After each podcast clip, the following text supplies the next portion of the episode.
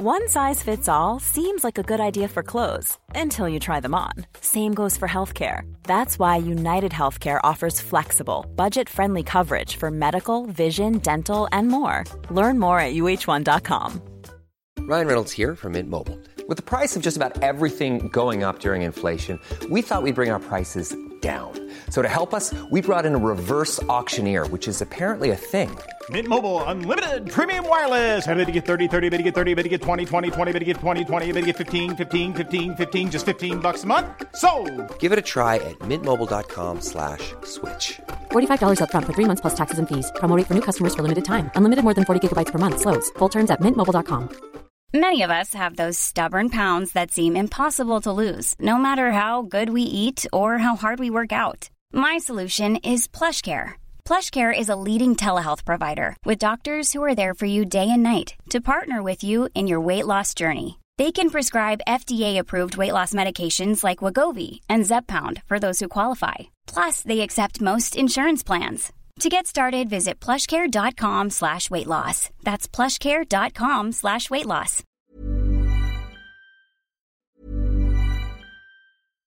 One size fits all seems like a good idea for clothes until you try them on. Same goes for healthcare. That's why United Healthcare offers flexible, budget friendly coverage for medical, vision, dental, and more. Learn more at uh1.com.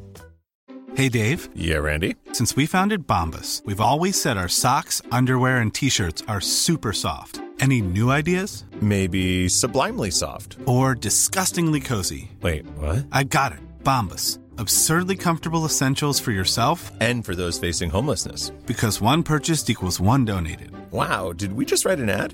Yes. Bombas. Big comfort for everyone. Go to bombas.com slash ACAST and use code ACAST for 20% off your first purchase.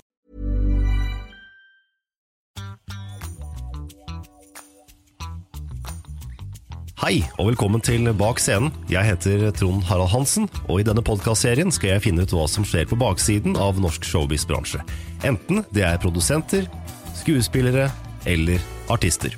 Og i dagens episode får jeg besøk av en som er skuespiller, instruktør, koreograf, han er danser og tekstforfatter. Han har hatt mange roller i revyer, musikaler, farser, film, TV og teater. Dette er en stor glede. Du hører på Bak scenen, og her er Dag Voksås. Bak scenen med Trond Harald Hansen. Hva er det som eh, inspirerte deg til eh, et liv i showbiz? Ja, da jeg var veldig liten, så det, Vi snakker jo om 60-tallet, da var det jo bare én kanal på TV. Eh, og jeg skjønte veldig tidlig at, eh, at jeg var litt, litt rar, litt annerledes. Eh, men jeg skjønte ikke hva det var, og hva jeg ville.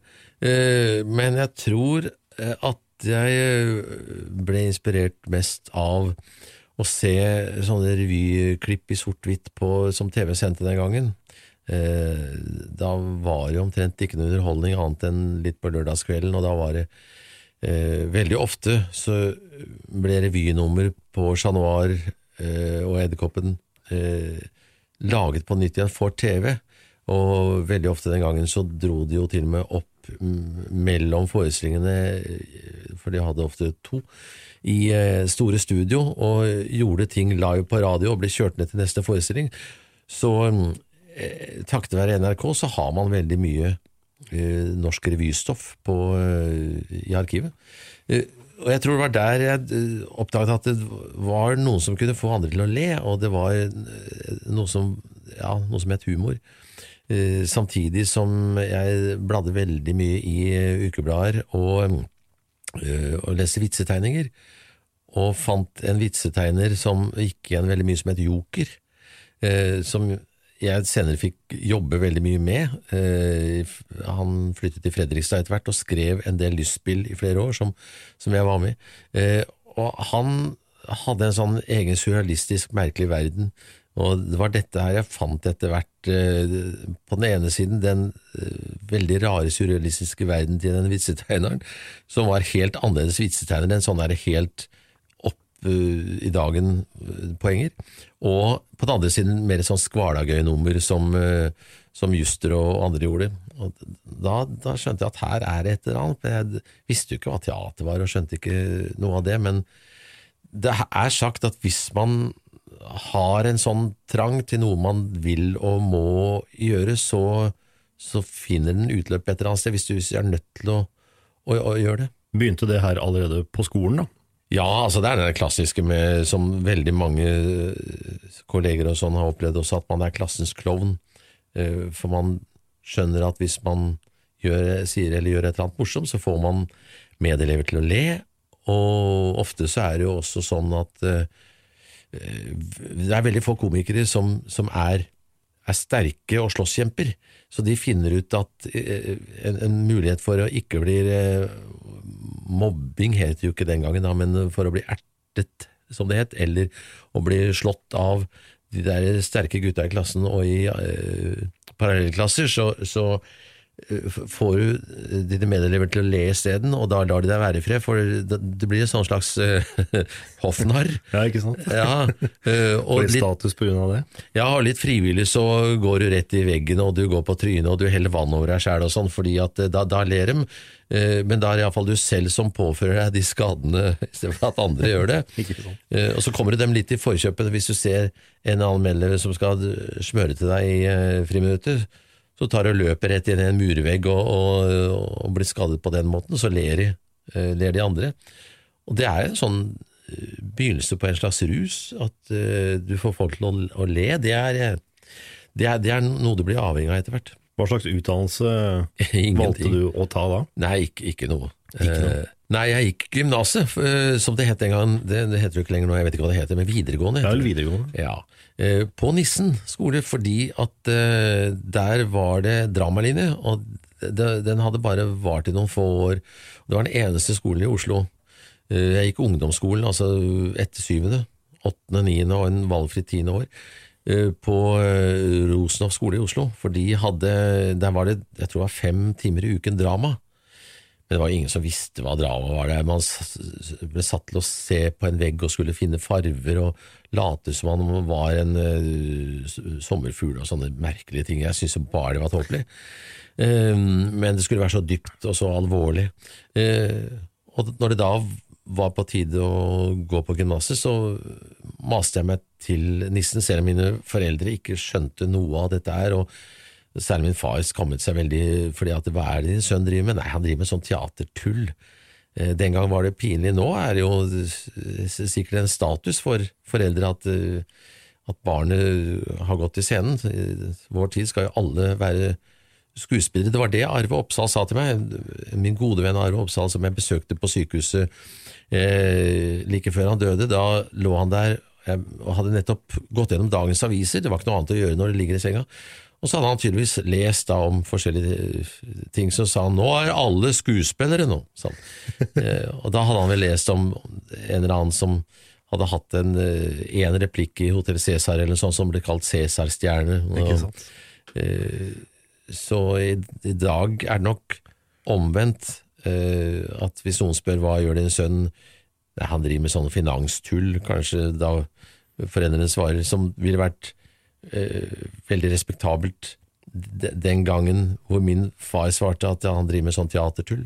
Så tidene forandrer seg, men eh, da var det drama på Nissen, og der kunne man sette opp eh, ting, og der gikk jeg tre år, og der satte man opp eh, lystige eh, revyer, og jeg laget en musicalversjon av Den innbilt syke, for da hadde jeg oppdaget eh, at det fantes noe som het musicaler, eh, filmmusicaler, og jeg ble veldig betatt av det, som jeg fremdeles eh, er. Det er liksom stumfilm og musicaler, amerikanske sådanne, som, som eh, jeg har eh, sett og lest mest om.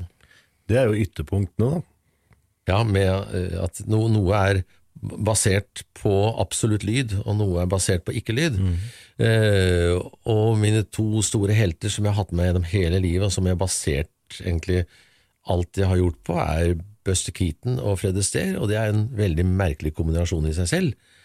Eh, men disse har jo stått så sterkt at jeg har jo eh, vært i Hollywood og besøkt deres grav. Jeg har, eh, jeg har blitt god venn med Fred Astaires eh, datter. Jeg eh, besøkte den eneste gjenlevende i eh, 1986 som, eh, som hadde spilt mot Keaton i hans mest kjente film Generalen. Eh, Så jeg er veldig glad for at jeg har oppsøkt veldig mye av, av det jeg har eh, idolisert. Det er jo ikke noe tvil om at dette her er en stor del av livet.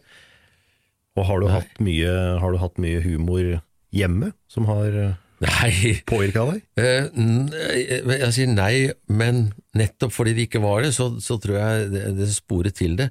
Uh, min mor var veldig morsom, hun kunne være kvikk og hadde poenger og sånn, men uh, dette var jo på den tiden hvor, hvor man skulle være alvorlige, som Norge er kjent for.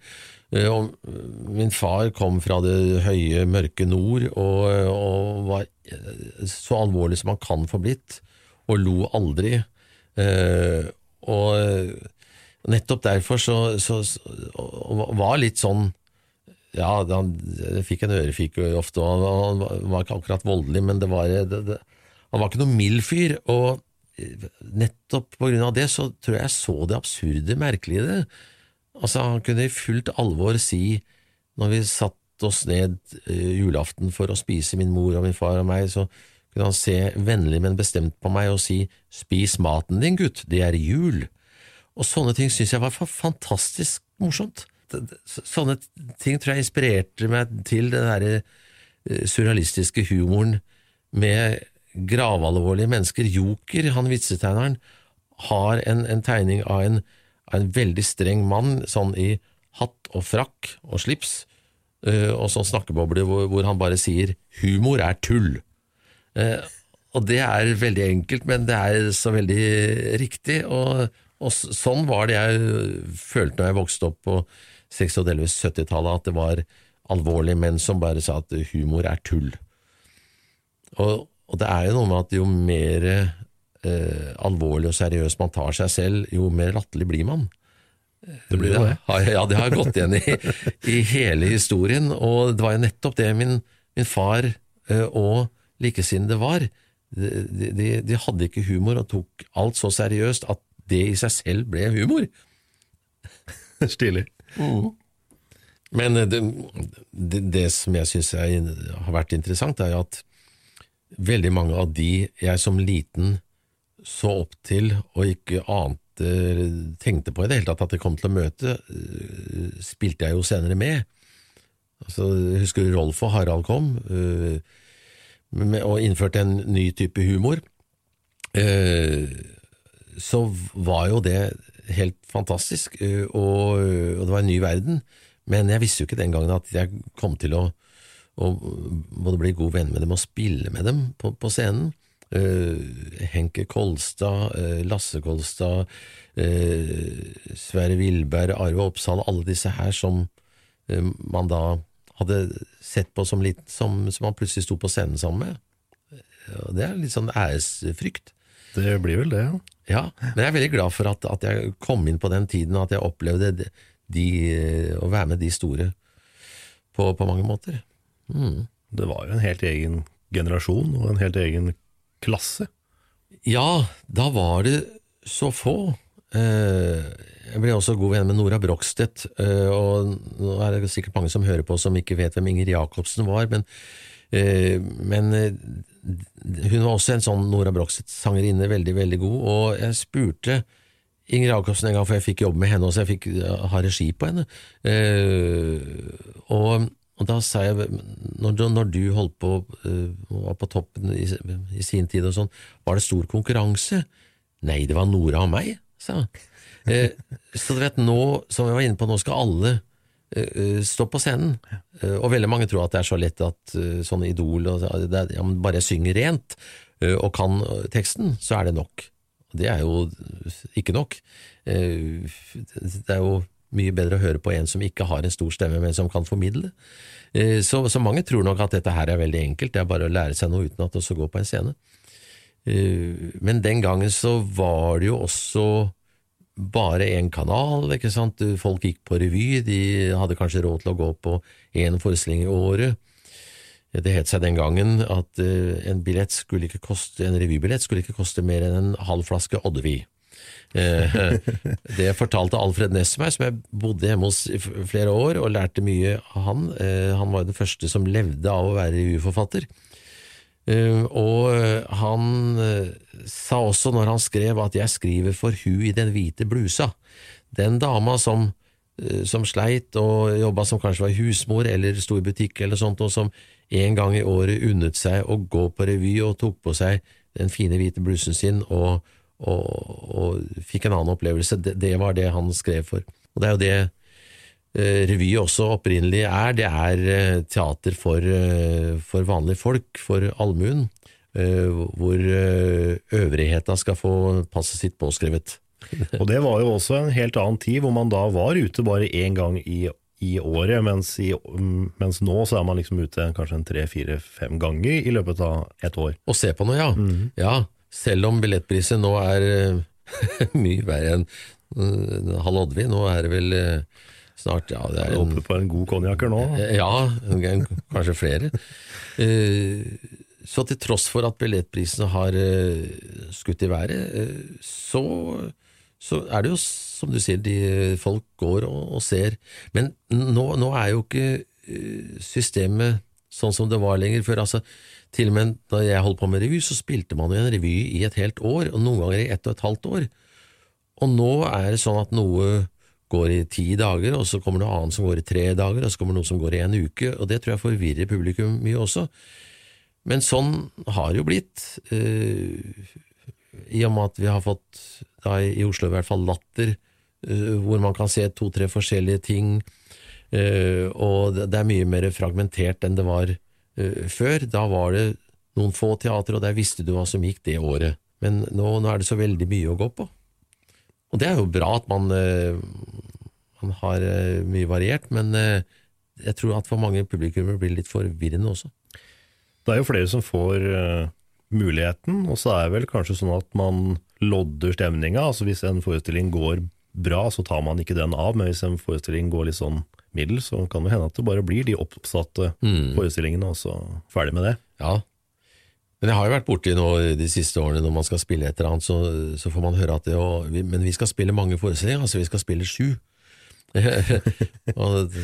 vi spilte jo 150 og 200 og sånn på Chat Noir i, i sin tid.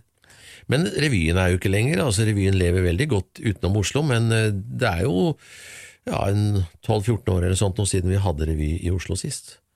Da Tom Sterry eh, gjenåpnet uh, Edderkoppen. Hva er det som gjør at eh, revy ikke er så stort i Oslo lenger? Nei, jeg, jeg tror ikke det er noe spesiell forklaring på det, annet enn en revy er jo veldig, veldig, veldig dyr å sette opp. Der skal du ha et, et ensemble på kanskje seks-syv stykker, og så skal du ha eh, da i tillegg eh, en ballett, og så skal du ha et tolvmannsorkester gjerne, iallfall en ni, ti, elleve mann. Og det skal arrangeres musikk til eh, halvparten av numrene i hvert fall, og en koreograf må inn, og det er så mange som skal ha betalt. Eh, mens, og da, da en produsent som finner ut at ja, men jeg kan hyre ett eller to mennesker, en standup eller noe sånt, og ha mye mindre utgifter, og kanskje tjene nesten like mye. Eh, Men du har jo fremdeles sånne som Folketeatret, som satser eh, forferdelig mange millioner på noe de ikke vet de får inn. Jeg skjønner ikke at de tør, men, eh, men det, er, det, er, det er bra at det er eh, noen igjen som, eh, som tør å satse på noe. Men jeg skjønner det godt. Jeg hadde jeg vært en produsent eh, som hadde hatt valget mellom å ha hatt en haug med ansatte eller ett menneske, så eh, tror jeg jeg hadde valgt det siste. Valget blir lett. Ja, Ja. Og de revyene som Det finnes jo unntak, men de fleste revyene som er rundt omkring i landet, det er jo eh, amatør- eller semi-amatørrevyer, eh, lokalrevyer, som man eh, som man ikke eh, Altså, det er ikke de kostnadene. Eh, men og hvis noen som ikke er profesjonelle skal sette opp noe, så er det veldig lett å ty, ty til revy. Fordi at eh, det, skal du sette opp en farse eller noe sånt, så må man jo være dreven skuespiller, hvis ikke så blir det ofte pinlig. Eh, og en revy kan bestå av 24 små nummer. Da kan du skrive en liten sketsj om, om noe, og så en vise om noe annet, eh, istedenfor å ha en, en stor handling. Det er, det er på en måte en lettere form for, for noen som ikke nødvendigvis er profesjonelle. Hvordan var din egen vei da, fra skolen og, og inn i teaterlivet? Ja, det, det bare skled videre på en eller annen måte. Det er det der som jeg var inne på, at hvis, eh, hvis du virkelig må, må, må det, så, så, så, skjer det. Eh, eh, da, ja, for å ta det raskt, da, så gikk jeg på Nissen, og da hadde det ikke vært russerevy på flere år, og så bestemte man seg for at man skulle ha det igjen, og der var ikke jeg med, men jeg meldte meg på til den. Og da uh, fikk de Andreas Diesen fra NRK til å skulle sette opp den, og han og jeg fant uh, hverandre veldig mye i at han uh, var veldig inne i musikaler, jeg var inne i musikaler, og, og, han kom jo fra en revyfamilie, og jeg var interessert i revy og sånn. Så han begynte å ta meg med i ting, små, små ting å gjøre i NRK i underholdningsprogrammer, og så ble det mer og mer å gjøre der, og så satte vi opp flere russrevyer, og så satte jeg opp en russrevy hvor Einar Skanke og Alfred Næss kom og så på, for de hadde også begynt med russrevyer i sin tid. Når de inntok uh, Chat Noir på, sent på 50-tallet, så ble de av pressen uh, betegnet som uh, revyprinsene. skal nå overta Chat Noir. Så de var ikke som folk flest og, og presse som ser på russerevyer som noe som noe latterlig. De, selv om de da hadde vært profesjonelle og holdt på i, i, i flere tiår, så kom de fremdeles og så på på for, for, å se hvordan revyformen der eh, var. Og, og, da kom jeg i prat med dem, og så mente de at kanskje du skal gjøre noe eh, hos oss, og så fikk man en liten sak å gjøre på, eh, på ABC-teatret hos Einar Skanke, og så ble det mer og mer. Og jeg var da i alle årene i Stall Skanke istedenfor Stall Frøland, som holdt på på, på Chat Noir, så det var mm. alltid den store revykrigen. Ja. og da, da, Man lærer jo så veldig mye. Ikke et vondt ord om, om uh, statsstøttede teater, men på privatteatret så må jo alle gjøre alt selv. Og uh, det er ikke noe sånn at uh, nå er klokken tre, så nå må vi gå hjem du blir der til det er ferdig. Eh, og om du så skal være, er skuespiller, så blir du satt til at kan du male den dekorasjonen der, for den må være ferdig. Eh, og så jobber man til tre om natta eh, for å, for å få alt i havn. Så, så, man lærer så veldig mye samtidig generelt om teater. Det blir vel en mer dugnadsånd også, da? Ja, nå har jeg vært innom statsstøttede teater også, og syns at det har vært fantastisk, men det er nok litt mer sånn samlet intimitet på et eh, privatteater, for, for, for du er mye mer tett, og, og, alle gjør alt, ja. Den eh, første opptreden som du hadde på teaterscene, var det på Oslo Nye? Ja, 1980? På en Ja. Um, da da hadde jeg avlagt en prøve der, for det kunne man gjøre.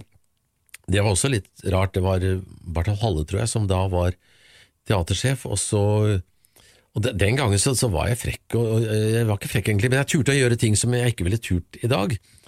Altså Den gangen så fikk jeg tak i Fred Usters privatnummer og ringte over til han. Jeg, eh, jeg, jeg var, mye frekkere. Eh, og jeg ringte til Oslo Nye og sa at jeg vil eh, gjøre teater. Er det noe å gjøre, kan jeg avlegge prøve og mase meg til det.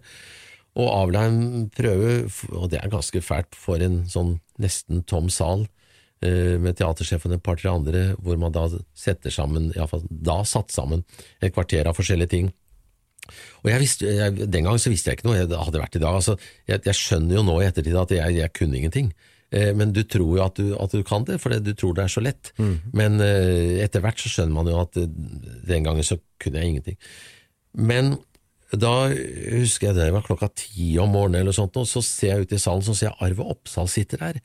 Og du vet, når du ikke kjente Arve, så var du litt redd den, fordi han fremstår jo alltid som en sånn buldrebass.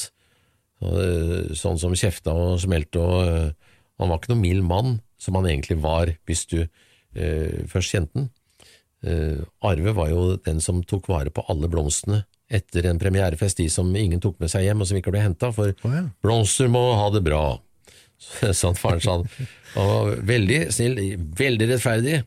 Um, men uh, jeg visste jo ikke det den gangen, og så idet jeg skal begynne, så ser jeg han sitter der. Og det, det holdt på å ødelegge alt sammen. Men så Da, da hadde jeg ikke møtt noen, eh, noen teaterfolk før. Og så eh, etter dette her eh, Arve var nok bare innom for å hente noe eller noe sånt, noe, han, eller før han skulle på noen prøver eller noe sånt. Eh, Så gikk jeg på han på vei ut, eh, bakveien der, og da, da sa han til meg Det var jævlig bra det der du gjorde på scenen. Og da tenkte jeg at jøss, det, det var en veldig oppmuntring fra han. Og senere så jobbet vi jo veldig mye sammen på mange ting, og, og ble veldig gode venner. Um, men det, det var den første jeg gjorde, eh, og det var i um, Trond Lies oppsetning av uh, 'Snøhvit og de syv dverger', uh, som var da omskrevet på, uh, på en måte. For når folk da spør om var du en av dvergene, nei, ja, det var ikke prinsen, nei. Og det er ikke flere Nei. mannlige roller, men de hadde skrevet inn en slags gresk kor, da, en kammertjener på Slottet og en sånn tjenestejente, eh, som liksom var et sånn kjærestepar. Uh, og jeg var han, og Kjersti Holmen var hun andre. Så jeg fikk min debut sammen med Kjersti Holmen, og hun er jo en meget bestemt dame som, som kan faget og vet hva, hvordan det skal være. Så det var også litt skremmende. Uh, Så vi gikk gjennom Altså, vi gikk mellom scenene og fortalte egentlig til hverandre, men egentlig til publikum har du hørt hva som har skjedd nå, og nå skal Snøhvit sånn og sånn. Så det, men det, det var en veldig eh, kjempesuksess, fordi at uh, den var skrevet og satt opp litt sånn for voksne også, som man må på et barneteater. Uh, I de senere årene så har jeg selv skrevet veldig mange stykker for barn med den derre traktoren, den lille traktoren Gråtass. Gråtass, ja. Ja, og, og har oppdaget da etter at jeg har skrevet stykkene, at jeg har skrevet eh, litt revyaktig, eh, og automatisk lagt inn på hver femte side eller noe sånt, og en eller annen liten sånn voksensak som man ikke må dvele ved, eh, men at det bare går videre, går over hodene på barna, men de voksne får det med seg. Sant? Fordi da følger de voksne med også, så slipper barna å se at mor og far, hvem de har med, bare sitter og gjesper og ser på klokka.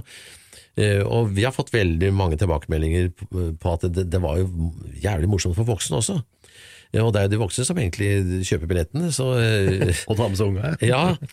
Og, og det tror jeg ubevisst at jeg lærte noe av på den Snøhvit-forestillingen, hvor det var eh, det var jo, Dvergene ble jo spilt av til dels eh, veldig seriøse skuespillere, og Arve Oppsal og sånn, og de satt da i, i dverghullet sin og leste avis som het Dvergens gang. Var veldig, veldig mye så, sånne småting eh, som gjorde at det var veldig morsomt for voksne også. Og det var veldig fint å, å begynne der, men eh, andre året hvor den skulle settes opp igjen, så måtte jeg uh, la være å være med, for da, uh, da fikk jeg tilbud fra Einar Skank om å spille revy. Ja. Det blei vel Revy 83, ble det det? Uh, nei, det begynte med en før det, Takk bare glad, eh, i 81. Eh, så vi da spilte et år. Den gang så spilte vi Vi hadde fri søndag, det ga sa seg selv egentlig, men så hadde vi også fri mandag, fordi da gikk ikke folk noe særlig ut. Men så spilte vi tirsdag, onsdag, torsdag, fredag og lørdag, og to på fredag og to på lørdag. Eh, og etter hvert så kuttet man, har man jo kuttet ut tirsdagene, og mange steder så kutter man ut onsdagene også, så man spiller egentlig bare torsdag, fredag og lørdag. Noen spiller bare fredag og lørdag. Eh, men det var eh, Jon Skolmen, uh, Inger-Lise Rypdal, Heide Steen eh, og Jon Eikmo og, og meg. Eh, og lærte veldig mye. Eh, og Revy 83 var den etterpå, ja. Og, og da kjørte jo Frøland samtidig sine revyer på, på Chat Noir, så det var sterk konkurranse. Det var vel det året han hadde henta inn eh, dansere, var det ikke det? Eller Jeg husker det- ikke hvilket år han gjorde det, men han gjorde jo det etter, etter hva Tore Ryne har fortalt meg. Eh, Det var vel tredje revyen eller noe sånt nå, eh, hvor eh, Dette har jo da Tore fortalt, men hvor han og Frøland hadde sittet og sett på opptaket av forrige revy og sagt at eh, det er ikke kjempefint, det er, ikke, det er, det er flott og det er glitrende og det er fint. Eh, For det var jo det da Frøland laget. Eh, og så hadde Tore sagt at ja, det er bare så synd at, at balletten er, er så rotete. Ja, du har jo rett i det, hadde, hadde Frøland sagt. For det var ikke så, så presise, egentlig. Eh, og da var det jo Frøland hadde bestemt seg for at ja, men da eh, forbedrer vi det. Da henter jeg en Det var vel ni eller noe sånt, og det, det henter fra Broadway. Og um, hadde dratt over der og blitt ledd av, fordi her kom det en liten fjott fra Norge og skulle ha ballettjenter over, men når de hadde ledd seg ferdig på Broadway, så hadde de jo fortalt at ja, men du skjønner, da må du ha eh, skriftlig at du eh, sørger for at de får lønn i et år, du må ha skriftlig at de har et sted å bo, og flere sånne ting. Og Frøland gikk, eh, dro hjem og ordnet det på en måned, med, i samarbeid med Utenriksdepartementet, og og dro tilbake igjen og hadde alt i orden, så da kunne han eh, ha audition der borte, og de dro hjem ni jenter. Eh, og det var veldig mye skriverier om, og Norsk Ballettforbund eh, protesterte og eh, sa at vi har bra nok jenter her og sånn, men de kunne ikke gjøre noe, etter hva jeg eh, husker. Eh, men det jeg ble fortalt, er jo at, at det var det vi var inne på i stad med å, å jobbe på privatteater, at da eh, er ikke prøvene ferdig klokka tre. Eh, Da jobber du til, du er, til alt er ferdig. Og da, som Tore fortalte, så var det jo, når prøvene begynte, så, eh, så, så sluttet eh, de andre klokken tre. De jentene sa at ja, nå er vi ferdige for i dag, de norske jentene. Hvorfor det? sa, sa de amerikanske jentene. «Eh, Nei, for vi slutter klokken tre. Nei, men vi må jo være her til, til, vi, til vi kan det, til vi har det ferdig, sa de amerikanske jentene. Nei, men det, det, det, er sånn eh, i Norge at vi slutter klokken tre, eh, sa de. Eh, Ja, men i, i Norge, nei, i Amerika så holder vi på til vi kan det, og så kom det fra mørket. Det har blitt sånn i Norge også fra i dag av. Og det var eh, Frøland som satt etter mørket og hørte på dette her. Og som Tore sier, det, det, det gagnet alle, fordi de norske jentene ble bedre også, for, for de forsto at eh, de, Ja, de fikk en sånn tillitsfølelse fra de amerikanske som, sa at ja, men vi, vi gjør gang til, dette, dette er bra, dette får vi til, og, og, og, dro med seg de, de norske som da eh, etter hvert syntes det var helt greit å, å jobbe så, så lenge de orket eh, for å få det så bra som mulig. Guri Skanke var jo innom her for noen uker siden, og hun, Ah. og hun fortalte det at på ABC så gjorde de en slags parodi ved å sette opp speil, så det da Ja. så ut som det var en haug av eh, Speildansen var jeg som koreograferte den. Jeg hadde koreografi på, på Jentene da. Da var Hilde Lyron med, og Guri Skanke. Eh, Guri Skanke hadde jeg hatt med en russerevy før, men eh, jeg tror ikke hun hadde gjort noe spesielt annet. eh, Selv om hun var niesen av Einar. Og eh, Hilde kom bare tilfeldigvis innom. Og Hvis du ser bilder fra Hilde den gangen, så så hun helt annerledes ut. Altså Hun var sånn veldig mørk, og tung, mørk sminke og sånn. Eh, Så det var det første de gjorde. Og så var det uh, et par jenter til. Eh, og den, eh, den speildansen var eh, det, så ut som det var flere, og det var jo en fjær i hatten for, eh, for Skanke, hvor det var en kritiker, jeg tror det var Arbeiderbladet, som da eh, anmeldte den eh, revyen, og 14 dager senere så anmeldte han eh, eh, Dag Frølands revy, som da hadde 18 jenter, og sa at eh, ja, jeg tror heller jeg takker meg til de fire sjarmerende jentene på ABC-teatret enn de 18 som Frøland har. Eh, og det syns jo Einar Skanke var fantastisk. Det blir At, det, er ikke, det er ikke antall som teller. Nei. Eh, I 81 så er du med på en, eh, på en serie som heter Herfra til Haglemoen. Ah, ja da. Vil du si litt om den? Det er ikke noe så veldig mye å si om den. Han ble jo tatt av, men Ja, det er, det er det den har blitt kjent for, at den ble tatt av lufta. De gjorde jo knefall i underholdningsavdelingen, hvilket de ikke burde gjort.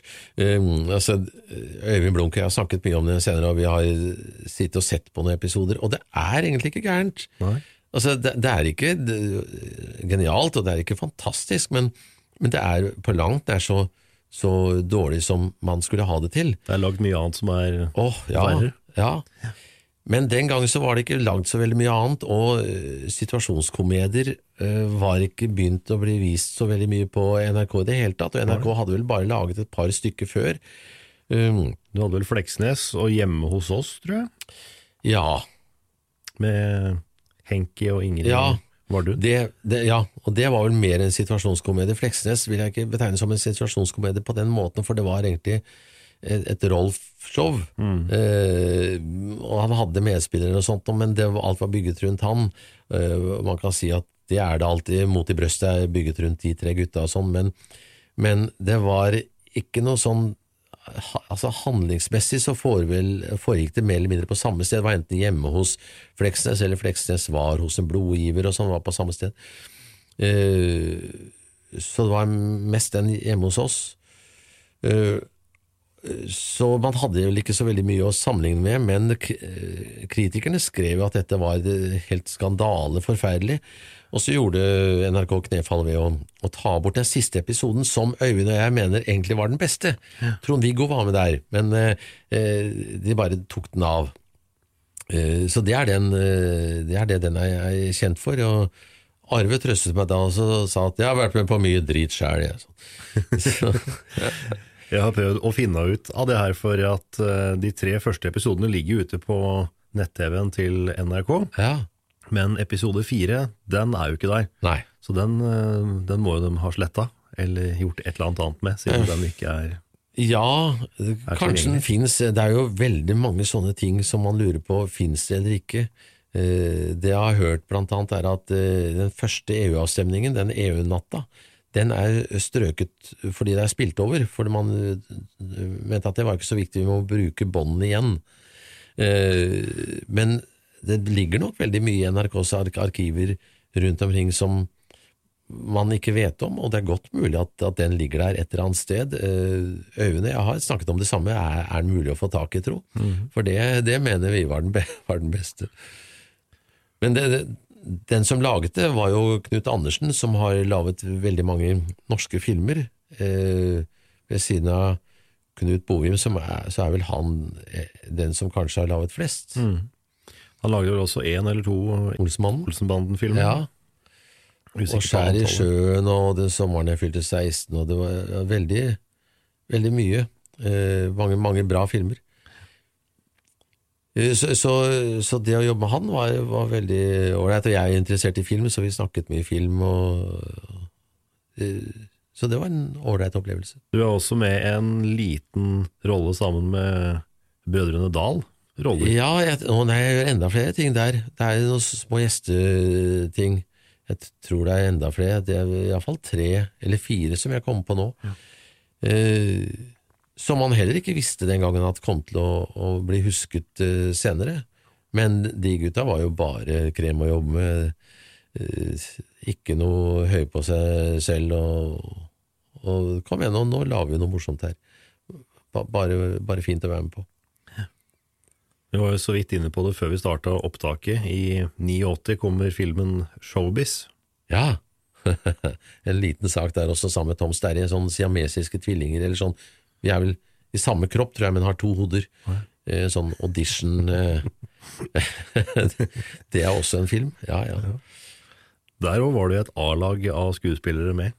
Ja, samt eh, sån, sånne ikke-skuespillere, altså eh, Jørgen Slips var vel med, og Marius Müller, som vel ikke kunne betegnes akkurat som skuespiller, selv om han var stor sanger. Einar Skanke var med i en liten scene. Lars Lillo Stenberg. Ja, stemmer. Mhm.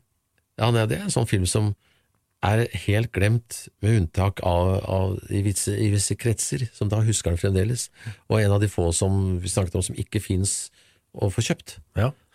Jeg er jo medlem av en, en Facebook-side som er sånn kjøp og salg med Aha. VHS og sånt. da. Ja vel. Og jeg har kjøpt eh, to eksemplarer der, og det er ganske grei pris på de der, altså. Ja vel. Mm. Ja, men da er det jo bare å spille noe på DVD. Det er det. For eget bruk, i, i hvert fall. Men det er bra kvalitet på det. Eh, ja, faktisk. Ja. Den ene. Så Ah, er, ok. ja, den har nok ikke vært utleid så mye. Så, så det er kjøpekassetter, altså? Ja. Fra sin tid. Ja, vel, Så det er ikke noe bootleg? Det er, den har vært er. I sin tid så har den vært til, til å låne ut uh, i de videobutikkene som man hadde på 80-tallet? Jepp. Ja. Det stemmer. Han kom vel aldri som kjøpevideo, tror jeg. Jeg tror den bare var for utleie. Ja. Så det er Og så har det ikke gjort noe med den siden DVD-messig eller noe sånt? Nei. De er vel, eh, de er vel ferdig med det. Enkelt og greit. De, Ja. Så er vel, interessen er kanskje ikke så stor at det er vits i å sette i gang et stort apparat for å lage det. Nei, men kanskje, kanskje også med Tore Ryne om at eh, jeg mener han sa at uh, Mot i brøstet finnes ikke på DVD. Nei, det stemmer. Den kom vel på DVD for ti år siden, og så eh, den kom ut i to opplag. Mm. Så forsvant den fra markedet rundt Ja. 2010. Ja, egentlig burde vi trykke det opp igjen. Jeg vet at Nils Vogt, som jeg har spilt eh, en del med, han eh, og, og Sven Nordin var jo ute her for et par år siden med sånn Neil Simon-stykke og turnerte med Riksteatret. Og, da- par, ja. ja, og da var det jo spørsmål om det overalt. Hvor kan vi få tak i det? Mm. Så egentlig burde noen For masterne finnes jo tydeligvis her, så de kan bare kjøre det ut. Det er nok eh, Jeg prata med Tore om det her, og det er vel TV 2 som, som styrer dette. Ja vel. Og nå sender jo de dette i reprise, så det er, Det er mulig at de tror at. Ja, kanskje de tror at hvis de sender det, så er det ikke så mange som ser på reprisene. Men det, det kan jeg rett i. Jeg, jeg tror ikke det. Jeg har Det er veldig få som serier jeg har eh, sans for, men jeg har ekstrem sans for Two and a Half Men. Som jeg ikke likte i begynnelsen jeg var innom det, og så begynte jeg å se på det, og den, den er så velskrevet og så velspilt. Eh, Så det er den eneste eh, serien i det hele tatt fra TV jeg har kjøpt hele boksen på. Og jeg, Den ser jeg på om igjen og om igjen, men jeg ser den også på TV når, når jeg sitter og ser på TV og den er der. Selv om jeg kanskje så den episoden på DVD for eh, et par uker siden. Og det er det samme med teater. Altså, man tror jo Man trodde før at hvis man sendte et nummer eller to på TV fra en revy som fremdeles gikk, så, så eh, solgte man ut uh, numrene. Altså, da kom ikke folk og så på revyen, men det er jo stikk motsatte. At hvis det man da sender på TV er bra, så, så vil folk se resten. Og også det samme med konkurranse. Uh, hvis noen går på et teater og, og har en bra opplevelse der, uh, så kan det trigge til at vi ser mer teater et annet sted. Så egentlig så er det litt feil å ikke ønske at uh, sine uh, konkurrenter på andre teater har en bra oppsetning, for uh, det, det smitter ofte. Det gjør jo det. Ja, så det, Sånt var det veldig mye før, at man ønsket ikke at konkurrenter hadde, hadde, noe, hadde suksess. Og jeg vet jo at uh, salig Einar Skanke, som var fantastisk, men, men rar på mange måter, han, eh, han, det hendte at han ikke turte å gå på andres premierer i frykt for at det skulle være bra. Han likte jo ikke det.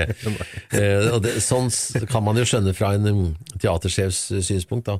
Eh, men så visste han da at enten Øyvind eller jeg skulle gå og se. Eh, og noen ganger så slo det ikke feil. Eh, det er akkurat som man visste når man kom inn. Det hendte noen ganger at jeg så vidt var kommet inn døren etter å ha kommet tilbake fra, fra premiere, og så ringte telefonen, og så var det Einar som da spurte forhåpningsfullt Det var råttent, vel? og når jeg da kunne si at Jeg hadde ikke hjerte til å si at nei, det var faktisk bra, for jeg ville ikke såre ham. Så jeg, noen ganger så snakket jeg jo sant, men andre ganger så var det kanskje ikke så sant. Jeg, jeg sa alltid at ja, det var ganske råttent. Da var det gledeshyl. Han ropte til kona si Lollo Lollo, det var råttent! Jeg syns han var fantastisk.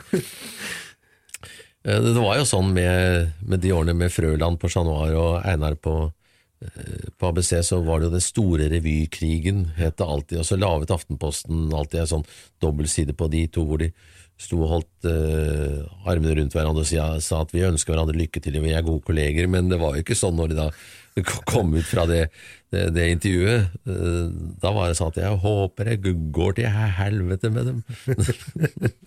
Da var de, ja, da var de ikke så kamerater lenger. Nei. Men eh, dere som var på scenen, merka dere mye til den såkalte eh, revykrigen? Nei, for vi holdt oss, holdt oss jo på ABC-teater, og de andre var på Chat Noir. Jeg var ofte innom Chat Noir og snakket med, med de som var på scenen der, og, og, og syntes at det var, var bra. Jeg turte ikke si det den gangen, men jeg syntes at eh, jeg hadde stor sans for Frøland, og skulle egentlig ønske at jeg hadde fått vært med i en Frøland-oppsetning også. Jeg skulle gjort det en gang, men så, eh, så skulle Einar lage revy, og, og jeg turte ikke si til han at eh, kan jeg få være med hos Frøland isteden. Nei. det kan bli dårlig, dårlig stemning. Ja, ja. Den spanske flue, ja. det er også noe som de aller fleste liker, og som de fleste vil se rundt juletider. Ja, jeg har ikke fulgt med på den, men jeg har blitt fortalt at den, den sendes. Eh, jeg får vel noen reprisehonorar og sånn, men det står vel ikke så spesifisert. Men jeg tror at de kjøpte den for 15 år eller 20 år eller sånt, og så etter det så har de fortsatt å sende den. Det var opphold på noen år, Ja. og så okay. for noe tre, kanskje to-tre år siden så begynte de å sende igjen. Ja. Og nå sist jul så sendte de vel den tre ganger, tror jeg. Jøss. Ja vel. Ja, nei, det igjen en sånn greie som du ikke vet der og da at, eh, at blir så stor. Uh, og så viser det seg i ettertid at, uh, at det er noe som folk husker, og som uh, tilfeldigvis blir en sånn tradisjonsrik eh, greie. Men den var jo også veldig morsom å gjøre. Jeg spilte jo faren til Øyvind, som da er bare fire år eldre enn meg, eller noe sånt nå. Eh, Men det som reddet det, og som reddet hele forestillingen, er at, at det er tegnefilm. Altså, alt er så overdrevet, og det øh, var en veldig god løsning, fordi det måtte man gjøre fordi eh, problemstillingen den gangen at eh, en har fått et barn utenfor ekteskap, det er jo no big deal i dag. Eh, så da måtte de lage det så oppstyltet og rart og merkelig at folk virkelig skulle, altså publikum skulle skjønne at det var en helt annen tid. Eh, Så når man ser på dekorasjonen og altså, kostymene og alt, så, så er jo alt veldig, veldig ekstremt. For ja, for her snakker vi år 1914 eller Ja, veldig tidlig på 1900-tallet, tror jeg. Eh, Men det var jo også en basyrlig opplevelser fordi eh, Rolf skulle jo egentlig spilt hovedrollen, og så eh, ble han syk, og så kom Jon Eikemo inn igjen, etter hva jeg husker. Ikke, inn igjen, men han kom inn for å spille, og så om han møtte veggen, eller om han ø, var nødt til å spille i Bergen eller sånn, iallfall så var han ute. Så kom Rolf tilbake igjen, og så bare i noen få dager, og så ø, kom han ikke mer, for da hadde han fått det han kalte scenesyken. Eh, og da begynte det å nærme seg, altså. Da var det sånn 14 dager til premiere. Eh, og så kom Henke, som da ikke akkurat var noen unggutt, eh, selv om han var veldig livlig, kom inn, og naturligvis var det fantastisk at han klarte det på så kort tid, men, men han hadde spilt rollen før, så han, han eh, visste hva det gikk ut på, men da ble det jo sånn at alt, eh, alt ble lagt opp etter, etter Henki, der hvor han ville gå og følte naturlig å gå, der måtte, måtte man da akseptere at det ble sånn, istedenfor man hadde ikke tid til å, å argumentere og, og innøve på en annen måte. Der Henki vil gå, der går han, og så går vi på et annet sted. Men igjen, Henki veldig uh, imøtekommende og, uh, og, og, og hjelpsom, og, plasserte folk rundt på scenen og sa hvis du står der, så, så kan vi snakke sammen på den måten, og, og sånn. Så igjen, og da å jobbe med, med en som øh, virkelig var, har vært et stort navn i, i norsk teater, og ikke minst filmliv. Altså, mm. Henke var jo den første på, på film, syns jeg, da, som snakket naturlig. Det er eh, norske filmer fra 50-tallet med sånn eh, De kommer over fjorden i natt. Redd Randi og barna, jeg blir her. Det er sånn merkelig. Det, det, det, Henke var den første som snakket helt naturlig. Eh, Så du trodde på det. Det var jo også en eh, forestilling som også gikk eh, veldig bra, også veldig velspilt, og den har jeg, jeg, tror ikke jeg, Altså, jeg er 28 år. Jeg tror ikke jeg ljuger hvis jeg sier at jeg har sett den 80 Ha! ganger, altså. Yes. Ja vel, jeg trodde du nå skulle si at Jeg ljuger ikke hvis jeg sett, sier at jeg har sett, sett den fem ganger. Men Ja, nei. Den har jeg sett mye, den har jeg tatt opp mye på video, og den har jeg også slitt ut mye på video. Ja vel. Men jeg, jeg, altså jeg tror ikke Hvis jeg hadde spurt deg, da, hva er det som gjør den så spesiell, så tror jeg ikke du kunne analysert det. Du, du kunne sikkert sagt at jeg syns bare det er fint og morsomt og bra, men det er jo ikke noe sånn veldig spesielt med, med den som gjør den så unik? Ikke annet enn at jeg liker de som er med, og at uh, samspillet er eh, bra. Ja, men det er jo en god nok forklaring i seg selv, og veldig enkel, fordi at er kjemien riktig med de som spiller, så, så blir det et bra produkt. Men det har skjedd sikkert veldig veldig mange ganger med andre produkter som også har blitt tatt opp, men som uh, ikke er sett noe særlig. Så det må være noe uh, spesielt der. Det kan være også kombinasjonen med det at folk husker at uh, Henke kom inn i siste liten, og det ble veldig mye skriveri rundt det. Uh, Men det er veldig viktig, som Sverre Wilberg sa til meg en gang, han som spiller Olsmannen Henriksen, hva heter han, han eh, politimannen? Hermansen. Hermansen. Um, han sa jo det vi spilte eh, Var det en sånn sommerforestilling på Victoria Teater eh, med han Skjærgårdsflørt? Eh, og da sa han at det er jo det var snakk om om at det var så bra at vi alle hadde en god tone og sånn, så sa han at ja, men det er en forutsetning, for hvis, eh, hvis det er noe uvennskap i garderoben eller blant vi som spiller, så gjenspeiler det seg på scenen. Det, det, det, blir, det blir en sånn litt rar stemning. Uh, og det er det samme som Nils Vogt og jeg snakket en del om i fjor sommer da vi spilte, at, uh, at hvis ikke en farse er logisk og riktig satt sammen, og at alt stemmer, så merker publikum det, men de kan ikke sette fingeren på det, men de merker at det er noe det er noe merkelig, det er noe, noe sånn rart, det er noe som ikke stemmer, og jeg tror det er det samme de hadde merket hvis det er et, eh, et ensemble hvor det er noe uvennskap eller noe privat eh, oppgjør og sånn som ikke jeg har vært borte, men som jo kan skje, eh, at da merker de også at det er noe som skurrer lite grann. For publikum er eh, som Jens Bukk Jensen sa, våre arbeidsgivere, og det er de, man, det er de som betaler oss. Eh, og det er for de vi må, det er for dem vi må, vi må lage det så bra som mulig. Um, og jeg syns at mange flere burde etter prøveforestillinger snakke med en del av de som har vært og sett på. Uh, prøveforestillinger har man ofte for seg selv, for å finne ut uh, hvordan kan jeg gjøre det litt annerledes, og kanskje i hvert fall revyer, kanskje vi skal flytte det nummeret dit, og, og, og bytte de to uh, i rekkefølge. men jeg, har alltid syntes at prøv å få tak i så mange av mulig av de som har vært der, og ta en prat med dem og, og spørre er, er det noe dere ikke forsto, er det noe dere syntes var rart og merkelig, og høre på hva publikum mener. For man har en, en tendens til, når man setter opp ting, så er man jo i den verden selv så veldig lenge, eh, og særlig når det gjelder stykker med handling i, at man blir litt blind for at noen som kommer inn og ser det første gang, kanskje ikke at det kanskje er noe der man ikke forstår. For de som da har jobbet med det ganske lenger, vet jo at ja, men det er den relasjonen, det er hans far, og, og han tror at hun er søsteren, og sånn som det alltid er i farser. Men det er ikke sikkert at det kommer så godt fram for noen som ikke har vært med på prosessen så lenge. Og, og da er det veldig viktig at man får vite fra noen som har sett at jeg forsto ikke hvorfor han er sint på henne. Å ja, da må det tydeligere fram. Og det er jo et, noe alle burde ønske, at, at, eh, alt er så tydelig og bra og rent som mulig, med mindre det skal være eksperimentelt merkelig teater. Da. Mm. det er det jo også. Eh, ja. Eh, det har sikkert sin hensikt, men eh, det er ikke min cup of tea. Altså. Det er, jeg vil ikke lete etter symbolikk og jeg vil skjønne med en gang foregår dette på en T-banestasjon eller på et legekontor. Ja vel, da kan jeg slappe av, da kan jeg følge med. Hvis jeg skal sitte en hel akt og lure på hva, hva, hva, er dette for noe? Nei. Ja, du mister jo hele handlinga, da. Hvis det er noe handling. Ja. Det er jo ofte sånne frie grupper som danser atombommens fall, og som ikke skjønner hvorfor de ikke kommer noen å se på. ja, nei, man kan jo spørre seg.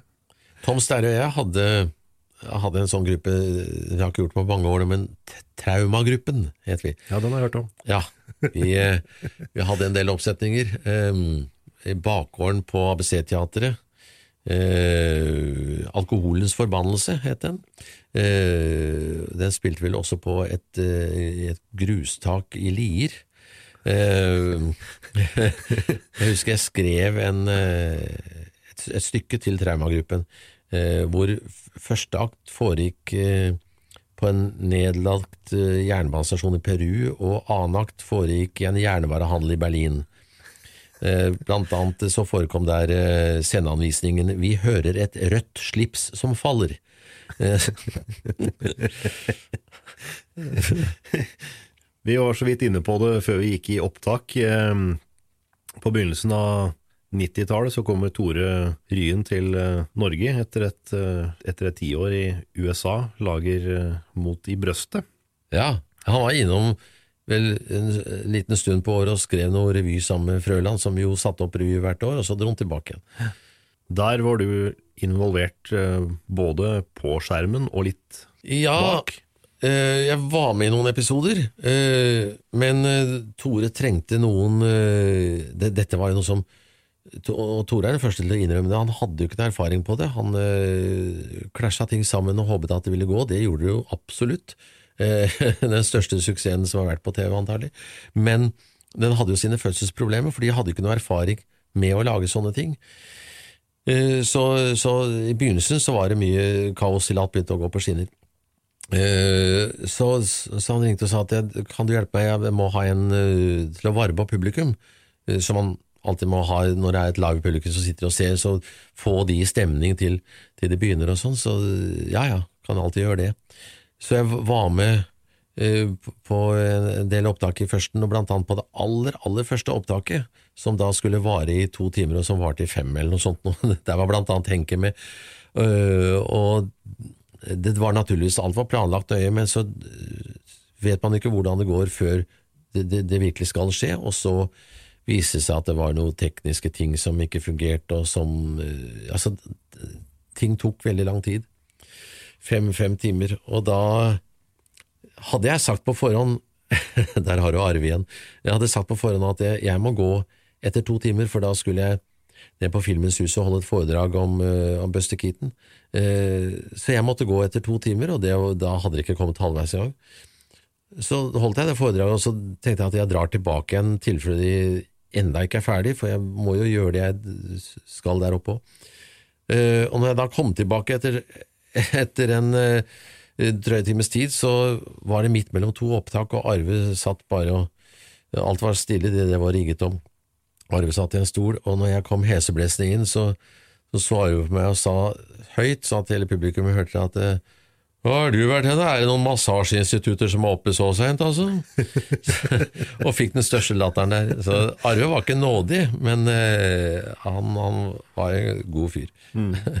og veldig rettferdig, som jeg sa. Altså, han tok jo teatersjefen fatt hvis, eh, hvis vaskekona på teateret hadde blitt behandla dårlig eller ikke fått lønna si, eller noe sånt, og da slo han i bordet. Det skulle være ordentlig. Han er også eh, og, Altså, man tok egentlig ikke eh, Arve Einar Skanke da han var eh, på sitt mest forrykte en gang prøvde å, å eh, Han tenkte vel ikke over hva han gjorde, han prøvde å ta Arve. eh, for, eh, eh, for når det nærmer seg premiere, så, så, så er det mye nerver, ikke sant? Og, og, og Einar var den største entusiasten av alle og mente at alt var genialt, men slo ned på når man ikke gjorde det ordentlig. og, og sånn, og, og Man fikk kjeft og var der til tre om natta, og han skjelte ut folk, og det var liksom hele systemet hans. Eh, og Da prøvde han en gang, eh, antagelig ubetenksomt, å ta Arve og sa "A- A- Arve og Oppsal, jeg kan gå ut på gata og finne hvem som helst, og dem er morsommere enn deg. Kom da, sa Arve og tok Einar i, i armen. Hvor skal vi nå, sa Einar. Vi skal ut på gata og finne en som er morsommere enn meg, sa Arve. Nei, ikke, ikke nå. Så, så, så, så Arve lot seg ikke pille på, på nesa på noen måte, altså. Men han òg var jo en, en, det de sier, en skikkelig arbeidskar. Ja, ja, han var jo vokst opp på øh, øh, Her borte på øh, Hva heter det? Der hvor Deichmans bibliotek ligger. Akkurat der hvor Obos øh, Blokka ligger i Oslo, eh, der eh, på Hammersborg, heter det. Der, der vokste han opp, og faren hans var smed, smeden på Hammersborg, som dro inn alle gutta i nabolaget, selv om eh, det ikke var hans unger, eh, på våren og snauklippte dem, for da skulle de være snauklipte til sommeren var der.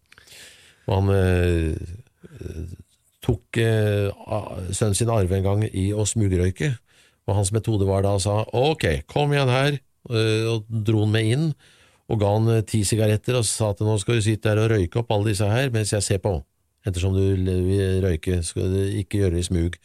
Og det kurerte jo Arve, han jo, ble jo så kvalm og fikk jo så vondt av å sitte der og røyke, tvangsrøykt av faren sin, at eh, han røyk, rørte ikke en sigar eller sigarett eller røyk eller noen ting resten av livet. Det gjør nok inntrykk, det skulle jeg tro. Ja, ja, ja. Så, så han var veldig ujålete. Sånn, sånn skal det være. Så han øh, Han gjorde så mye på film og scene, og gjorde det bra, men øh, hadde Altså, det var bare en jobb. Uh, og jeg uh, Det var ikke noe jåleri ved det. Og jeg husker en gang jeg hørte på Det må ha vært på 80-tallet eller så, på Nattradioen, som da hadde en nattgjest, og så var Arve nattgjest der, og hun som som intervjuet ham, hun prøvde desperat å, å, å lure ut av Arve the secret of acting, så hun spurte hvordan for, forbereder du en rolle? Og Arve svarte, jeg får et manuskript, og så streker jeg under de replikka jeg skal si, og så lærer jeg dem utenat. Det var det. Og så enkelt var det for han, det var som et arbeid som alt annet. Fantastisk. Noen er snekker, og noen står på scenen. Jeg veit ikke om det er sant, men jeg har hørt at han, han og Dag Frøland de var på turné Ja. oppe i Gjøvik-traktene. Og eh, dette var vel midt imellom to forestillinger på forskjellige dager. Så hadde Arve vært hjemme hos høggeren og montert kjøkken. Ja, ok. Ja. Men eh, om det Jo, nei, men det er overrasker ikke meg. Nei, det, er typisk, eh, typisk Arve. Han var, han var glad i penger, eh, men det var jo forståelig, for han var vokst opp i fattige kår, og man skulle ta vare på de penga man tjente, og eh, han eh, men han øh, drev ikke og var flåttenfeier. Altså han likte båt, så han kjøpte seg båt, men, øh, og var rundhåndet, øh, men, men, men veldig rettferdig. mm. Eh, Jeg savner Arve. En real fyr som det ikke finnes så veldig mange av. Og han, hadde jo masse strøjobber, ikke sant? For han, altså han hadde en vitsebank i huet. Eh, Når, når det var, eh, som det var i gamle dager på revy, eh, så fikk man en telefon bak scenen ti minutter før man skulle begynne at det var en bussladning fra Rakkestad som satt fast i snøen, og som kom til å komme et kvarter forsinka. Er mulig å holde teppet? Og da var det bare å gå til Arvat og si at kan du oppholde publikum så lenge, og holde dem i ånde, og gå ut og, og fortelle vitser? Ja, greit, hvor lenge skal jeg holde på? Et kvarter. Ja vel, så gikk han ut. Har dere hørt om hun nonna som Og så var han i gang. Og det var ikke noe Han sto ikke og tenkte på vitser, han bare hadde det i huet, så det var veldig lett sånn sett for han å, å ha over. Han bare sto på et lasteplan eller på en eh, scene i en, et samfunnshus eller sånt og lirte av seg vitser som han hadde i, i huset sitt, så lenge det var behov for det. Eh, så, så han var eh, egentlig en av de første standup-komikerne. Eh, han, han bare fortalte vitser, altså.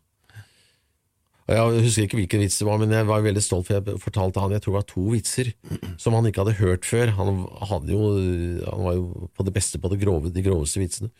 Eh, som han da likte, og som han tok med i sitt repertoar. Og det syns jeg var litt ålreit, at jeg kunne fortelle Arve vitser som, som han ikke bare ikke hadde hørt, men som han til og med brukte. For Arve var sånn, hvis du begynte på en vits, så sa han å ja, det er den, ja. Men jeg fikk jo alt etter Arve, alle papirer, og når jeg ser i det nå, så, så er det eh, side på side med vitser eh, som han har skrevet opp, og så er det vitser klippet ut fra ukeblader som da ofte hadde en hel side eller to med vitser, noen tegnede og noen sånn det på bare noen få linjer, som han systematisk har klippet ut og, og streket under eller ved siden av at denne her kan jeg tydeligvis bruke, den er bra nok, den er ikke bra nok, og noen har han forandret litt på ordstilling på og sånn. For han var jo en mester på, på en, mm, på en monolog. Han ble ofte sendt ut på, på revyscenen etter åpningssommer som isbryteren, øh, og var, hadde en monolog sånn 'Nå er det for jævlig her hjemme, gitt! Har dere sett hva de gjør på Stortinget?' Altså, så var han i gang. Eh, og disse monologene ble ofte skrevet ganske tidlig i prøveperioden. Så tok han stille og rolig og testet dem ut på, når han hadde sånne strøjobber. Og så kom han da tilbake på teateret senere i prøvetida og sa at den der monologen du skrev, den, eh, til de som hadde skrevet den, den, den, den tror jeg holder, den er bra, den. Ja, hvordan vet du? Nei, jeg har testa den ut, folk ler av den. Jeg syns en av de fineste han hadde på Chat Noir, det er eh, som Sankt Peter. Ja, det var isbryternummeret til eh, en av Frøland-revyene, La Belle Det var, Nå er det tilstander her i landet. Det var Ja. Ja. Han ble ofte kritisert eller Det han sa, ble ofte kritisert, for det var Frøland som skrev dette her. Og eh, Frøland ble ofte kritisert for det han, han skrev. Men han hadde jo noen poenger òg, da. Ja, ja, ja. Ja visst. Uh, men jeg erfarte jo at, eh, at eh, Arve uh, Det var den siste Frøland-revyen hvor uh, Vel den eneste revyen, tror jeg, hvor, som Kjersti Holmen var med på, for da hadde hun gjort Spanske flue, så ble hun med på den. Og hun hadde fått en mon- monolog og var veldig fortvilt. Så under prøven der i rusla rundt i foajeen, som som han ikke skulle gjøre noe på en stund, og sånn, så så Arve at hun gikk rundt og, med et ark og var fortvila, så sa han er, det noe gærent? Jeg har fått den monologen her, sa hun, altså, det er på to sider, det, det, det syns ikke den holder. Få se på den da, sa Arve. Og så, og så var jeg bare sånn, ok, flytt den der opp, og så begynner du med den, og så slutter du der, og så stryker du de to linjene, og så hadde han da på fem minutter redigert hennes monolog til noe som fungerte, altså. Så, eh, så det, det, er en, det er en kunst, det der også. Elsa Lystad fortalte meg at han en gang det, det var noe av det første Elsa Wiesnock hadde gjort eh, på, på, på en revy, altså begynnelsen av hennes karriere med, med Arve. Og, eh, og så hadde de fått utlevert tekster, og så hadde de fått vite at i overmorgen så, så prøver vi på det nummeret. Og, eh, og Elsa hadde lest på det og lest på det og prøvde å lære det utenat, men hadde ikke helt fått det til. Så når de da på teatret den dagen skulle prøve på det nummeret, og idet de går opp på scenen for å prøve på det, så, så eh, sier hun fortvilt til Arve at eh, jeg, kan det ikke ennå, jeg, jeg har ikke fått det inn. Har du tenkt å lære det utenat, du, ja? sa Arve. Ja, det er stryknummer, det, sa han. så han visste det, og det ble, stryknummer. Han visste på forhånd at det nummeret det hadde han ikke giddet å sett på engang, for det var ikke noen vits i å bruke tid på å lære seg. Det kom til å bli strøket. Så Arve begynte jo så tidlig med revy at uh, han tror jeg hadde revy såpass under huden at han, han visste, visste ting så godt. Men et sånn stryknummer, det var kun for å tilfredsstille anmelderne. Eh, Frøland hadde, sier Tore Ryen, noen ganger, en sjelden gang, med et veldig høytravende nummer. Eh, det, men altså, og som regel så, så har man laget for mange nummer, og så blir det visse nummer som man erfarer underveis at eh, nei, det holder ikke, eller det passer ikke inn, eller det, nei, det er ikke riktig, det er ikke morsomt nok ofte. Eh, men det hendte visstnok at Frøland hadde med nummer som var skrevet mer eller mindre for kritikerne, og som ble tatt ut dagen etter. Litt sånn høytravende, eh, merkelige nummer. Litt tilbake igjen til Arve. Han hadde jo en fantastisk avslutning på karrieren da, som eh, Henry fra 93 til 97. Ja, ja, ja. Og helt på slutten så ble det veldig mye til at han leste aviser, for da hadde han teksten i avisen. Men eh, det er jo forståelig. Han holdt seg Han var jo helt klar i, i huet, men han satt, han eh, løste mye kryssord. Mm. Og at det var, det var bra mm, for han. Men, men det, han er vel kanskje en av de få som, om ikke den eneste, som uh, den yngre generasjonen i dag også vet hvem er på grunn av Olsenmannen, og ikke minst uh, Mot i brøstet. Ryen fortalte jo det at uh, han havna jo på sjukehuset og skulle fortsatt være med, så det de, De skrev inn at han var på sjukehus. Mm. Ja. lagde eget uh, sjukehus... Uh, ja, han ble kjørt ned fra sjukehuset hver dag, ja. Uh, og da spurte jo Tore hva slags sykdom vil du ha? Hæ, hva mener du? Hva, hva, hva skal vi skrive at du lider av? Hm. Eh, men det er den nøkternheten til Arve igjen at uh, hvis det er ordentlig sykdom på teateret, så, så man prøver jo det lengste å spille, men man må jo avlyse hvis de, noen ikke kan stå på beina. Og Arve hadde trøbbel med ryggen sin, så det var jo en gang han ikke uh, kunne stå på scenen, for han, uh, han kunne ikke stå oppreist. Og ja, da, da må vi avlyse, sa de. Nei, nei, sa Arve, sett meg i en rullestol og kjør meg inn, jeg kan ta den monologen sittende. Uh, så det, skulle jobbes, det skulle ikke avlyses. Det, nei, nei. Det er jo arbeidsmoral som veldig få har, da. Ja, altså det går ikke an å være syk, og det forstår egentlig ikke leger. Jeg har jo selv stått på scenen med, med, altså så høl i huet. En sommer, to dager før premieren, så uh, brakk jeg beinet. Jeg måtte spille med gips, uh, hvor da legen sier at du må holde det helt ro i to måneder. Nei, det går ikke. Ja, men du må det. Nei, det går. Så skjønte jeg at det var ikke noe vits i å argumentere, for han skjønte det ikke. Da er det bare å spille med gips og hoppe rundt på ett bein isteden. Uh, og det ble Jeg møtte fremdeles nå og da folk som så den forestillingen den sommeren og sier at det, det var fantastisk, du, du, spilte på ett bein. Jeg, for meg så er ikke det fantastisk, det er bare ja, det er eneste løsningen. Da er å hoppe rundt på ett bein. Ja, det er ikke noe genialt, det. Eh, men folk så tydeligvis på det som noe genialt. Nei, det er jo ikke det. Det er bare å gjennomføre jobben sin. Man avlyser aldri? Nei, da må det noe helt eh, spesielt til. Jeg vet at det er en av våre skuespillerinner som, som, har abortert i kulissene, blant annet. Mellom to nummer, og det er uh, Da snakker du, altså. Det er brutalt. Ja. Eh, sånn, sånn, er det. Mm. og så er det jo noen som jeg har vært borti noen sånne yngre da, som sier at jeg tror ikke jeg kan spille i det i kveld, for jeg har litt vondt i hodet. Hva? Du har vondt i Vondt i hva? Ja, og Da er det bare å si at du, jeg kan fortelle deg en ting. at Gå på med den hodepinen. Jeg skal garantere deg at når du har kommet ut på scenen og er i gang, så er den hodepinen borte. Og det er, For det er noe sånn merkelig, magisk rart eh, hvis du er syk, eh, og du sitter og sminker deg og lurer på om du kan i det hele tatt gjennomføre dette her, og så ser du på deg i speilet, og så når du har sminket deg ferdig, så ser du ganske fin ut, men du føler deg helt råttent innvendig, og så kommer du ut der, og så eh, går det helt greit.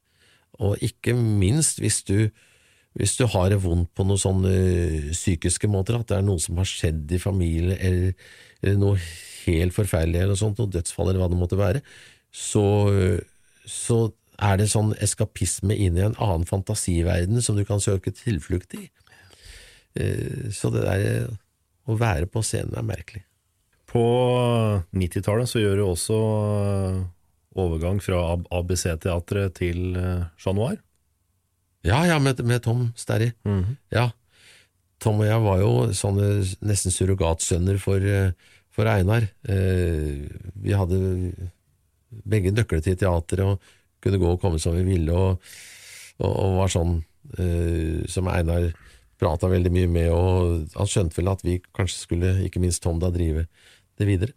Eh, så, så da Tom tok over, så, så, ble jeg med hos han, og da ble det jo to revyer på ABC-teatret, og så to revyer på, på Chat Noir. Ilene Live? Ja. Og Damenes aften, hvor jeg sto på scenen uten klær som jeg gjengjorde i Blanke Messingen. det blir en vane, det òg. Det gjør vel det? Ja, det er en sånn merkelig ting. Folk spør om det også, men uh, jeg husker at Mari Bjørgan sa til meg noe veldig riktig, for hun sa jeg er ikke rart uh, Kanskje hun hadde gjort det selv også, for det hørtes sånn ut, men hun sa er ikke rart at når du er veldig ung og har liksom en bra nok kropp til det og sånn, da, da vil du ikke gjøre det, men når du har blitt eldre og det ikke er så farlig lenger, og du ikke ser så bra ut egentlig, da kan du godt gjøre det. Mm. det er, det er, ganske sant. Men, um, men nei, det, det, det, det, er, det, er, helt vanlig det også, at ja ja, så får jeg ta av meg klærne igjen, da. Du er også en av mange som har vært innom uh, Hotell Cæsar. Ja, det har vel nesten de fleste etter hvert. Uh, det var vel en som sa ja, er det din tur nå? um, ja, nei, men det var veldig interessant, fordi eh, eh, det er en slags eh, veldig godt smurt fabrikk, eller var. Og jeg husker at jeg tenkte, fordi jeg har lest så veldig mye om, øh, om studiosystemet i Hollywood på 30-, og 40- og 50- og delvis 60-tallet, hvor det begynte å bli oppløst, øh, hvor det var disse kjente studioene 20th Century Fox og MGM og Paramount og, og sånn, som, som var fabrikker. Altså, MGM var jo det største Metro Goldwyn Mayer, som var en liten by i seg selv. De hadde eget sykehus, eget politidepartement og alt sånn, og det var at alt i, Det var rett og slett en filmfabrikk, og alt gikk på, på, på skinner. Og det husker jeg tenkte når jeg var oppe på uh, Cæsar også, at det, dette er nesten litt sånn det er lagt opp helt nøye, og du skal dit nå, og nå skal den dit, og de- den skal prøve kostymer mens den går og spiller, og den skal se gjennom, den skal lese. Eh, så tenkte jeg, sånn tror jeg egentlig på en måte det var den gangen i Hollywood også, hvor, eh, hvor filmer ble laget eh, ikke bare som i stumfilmtiden, hvor det var mer sånn ja, nå lager vi en film, dere finner på handling underveis. Eh, som var en veldig fri og fin måte å gjøre det på, eh, men da, da lydfilmen kom og det ble satt i system, så, så, så var det veldig gjennomtenkt eh, eh, det hele, og da var da man laget disse mesterverkene, eh, som dessverre knuste folk som eh, genier som Buster Keaton, som ble plutselig satt til å være morsom av byråkrater som laget av fire ark, og nå skal du gjøre det, og så skal du falle på den måten, eh, som mistet hele sin kreativitet, og, dermed gikk nedom og hjem en stund. Men det som er fælt med sånn som Cæsar, er at du må møte klokka åtte om morgenen. Vi blir ofte nattmennesker. Ja, man snur litt på døgnet. Ja, ja. Så lenge man ikke må opp til noe om morgenen, men er vant til å jobbe om kvelden og utover, eh, så kommer du hjem fra teater, og så må du klarer ikke å gå til sengs med en gang, for da er du oppildnet, og så blir du sittende oppe. Men må man opp, så må man opp. Men eh, hvis man er vant til å legge seg veldig sent, eh, og plutselig må, må stå opp klokka halv sju eller noe sånt, og som de fleste vanlige andre mennesker må gjøre, så, så er, det, er det fælt. Er man mer kreativ nattestid? Ja, ofte, for det er, det er alt stille. Det er ikke noen telefoner, og det er mørkt, og du er, du er alene. Hva gjør du nå om dagen? Nei, nå er det ikke så veldig mye. Ehm, Det pleier å Det er mellom de to ting. Om, det er å spille om sommeren, og så er det å dra rundt eh, i november og desember med juleting. Så er det småtteri innimellom, sånn som å skrive artikler og skrive nummer og, sånne forskjellige ting. Men eh, det har kommet en ny generasjon, vet du, som, eh, og, et, et nytt system. Jeg husker det når jeg var veldig, veldig ung og Monty Python kom, og så på det på TV, så gikk min far gjennom stua på vei bak meg og stoppet opp og så i ti sekunder og bare sa 'tull' og gikk. For det, det var en helt ny type humor. ikke sant? Hva var dette her? Noen som drev og slo til hverandre med fisk og sånn. sånn eh, og kjøpte ost i en ostebutikk og en papegøye som var død, og altså sånne eh, De der klassiske Monty Python. Eh, men nå først forstår jeg det, for nå sitter jeg og ser på eh, noe som skal være veldig morsomt i dag. Jeg sier ikke at det er dårlig, men skjønner, noe av det skjønner jeg ikke, og nå sitter jeg og tenker dette er bare tull. Så nå har jeg, kommet til, nå har jeg blitt min egen far. Ja. Nå har det kommet et skifte, nå har jeg kommet dit at, at jeg synes jeg, jeg forstår ikke det der, noe av den nye humoren som egentlig ikke er noe, synes jeg da. Men jeg kan ikke si at det er, er dårlig, som Rolf sa, at uh, det, humor er det som jeg synes er morsomt. Og det er jo veldig riktig, men man kan ikke si at uh, det er riktig humor, det er gal humor. Nei, det er jo forskjellige oppfatninger. Da. Ja, ja, man kan si det i en sammenheng. Hvis man skal spille for et eldre publikum, så kan man si at ja, men da er ikke det riktig humor, da er det riktig humor. Men generelt eh, blir det som å si at uh, Chopin er en bedre komponist enn Beethoven. Eh, Nei, det er forskjellig smak. Mm. Men, um, men det er en, en ny generasjon, og sånn skal det alltid være. Og da blir den, de som har holdt på før, de blir ofte satt litt eh, til siden. Det er vel som vi var inne på, jeg tror det var også før opptaket starta her, at, eh, at det er nok ingen av de som holder på i dag, som unge, som blir huska sånn som den eldre generasjonen som vi har et veldig sterkt forhold til Ja, i dag. Nei, nei så de som var før meg igjen, ja. Det er sånn som vi nå husker uh, Rolf og Harald og Aud Aud Schønemann, eh, Grete, Henke, alle disse her. Eh, Arve. Eh, jeg tror det et, etter at de forsvant, så Og da regner jeg med min generasjon også, er, er mer døgnfluer. Eh, skal, akkurat som jeg tror at veldig, veldig, veldig mange, om ikke så å si alle, eh, av de filmene som, som har blitt laget de siste 30-40 årene, blir ikke husket om 50 år, sånn som vi nå husker eh, store klassiske filmer som ble laget på 30- og 40-tallet. Mm. Eh, Det, det spys ut for mye ting, og, og det er for mange produksjoner, egentlig. Det er, som vi også var inne på, det er eh, produksjoner her og der, og der går det som egentlig gikk i fjor, som nå kommer tilbake igjen, og så er det noe nytt. Det er en avart av det som var, som gikk, og, og nå er det noe nytt der som egentlig er det samme som det som gikk før. Eh, Det, det blir ofte for uryddig for folk.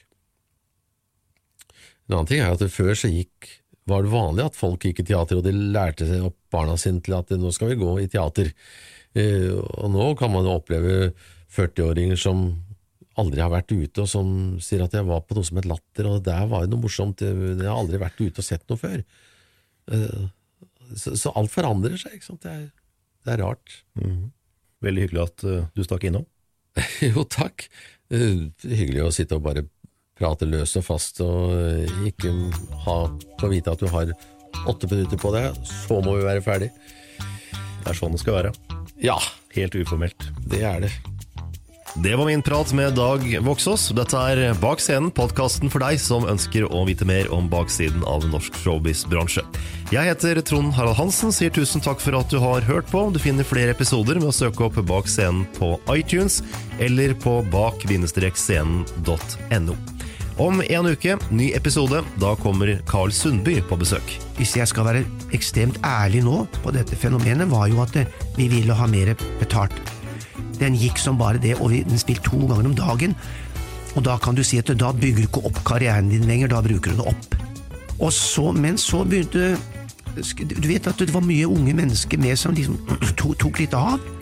De ble verdensstjerner, uten at, men vi var egentlig bare en institusjonsbedrift. Og man kan lett tro at man er gullet i seg selv, uten å reflektere at det kanskje det er bedriften som er gullet. Idet du slutter i den bedriften eller den institusjonen, så er du ikke noe verd. Så det er eh, institusjonen bærer deg. Og folk ble kanskje litt De gikk på egen hånd og begynte bak ens rygg, og vi, vi ble ikke samla helt altså når det kom til disse krava vi skulle sette fram, så det, det røyk litt.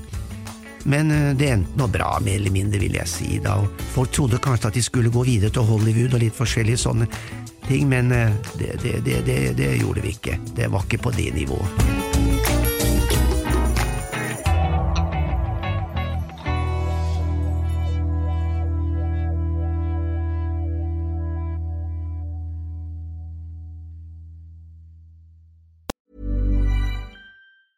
Ever catch yourself eating the same flavorless dinner three days in a row? Dreaming of something better? Well, HelloFresh is your guilt free dream come true, baby. It's me, Kiki Palmer.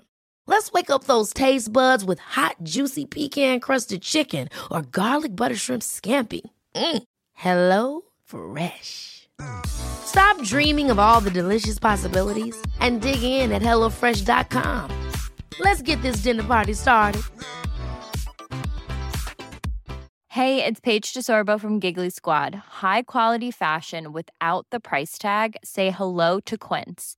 I'm snagging high-end essentials like cozy cashmere sweaters, sleek leather jackets, fine jewelry, and so much more. With Quince being 50 to 80% less than similar brands. And they partner with factories that prioritize safe, ethical, and responsible manufacturing. I love that. Luxury quality within reach. Go to quince.com slash style to get free shipping and 365 day returns on your next order. Quince.com slash style.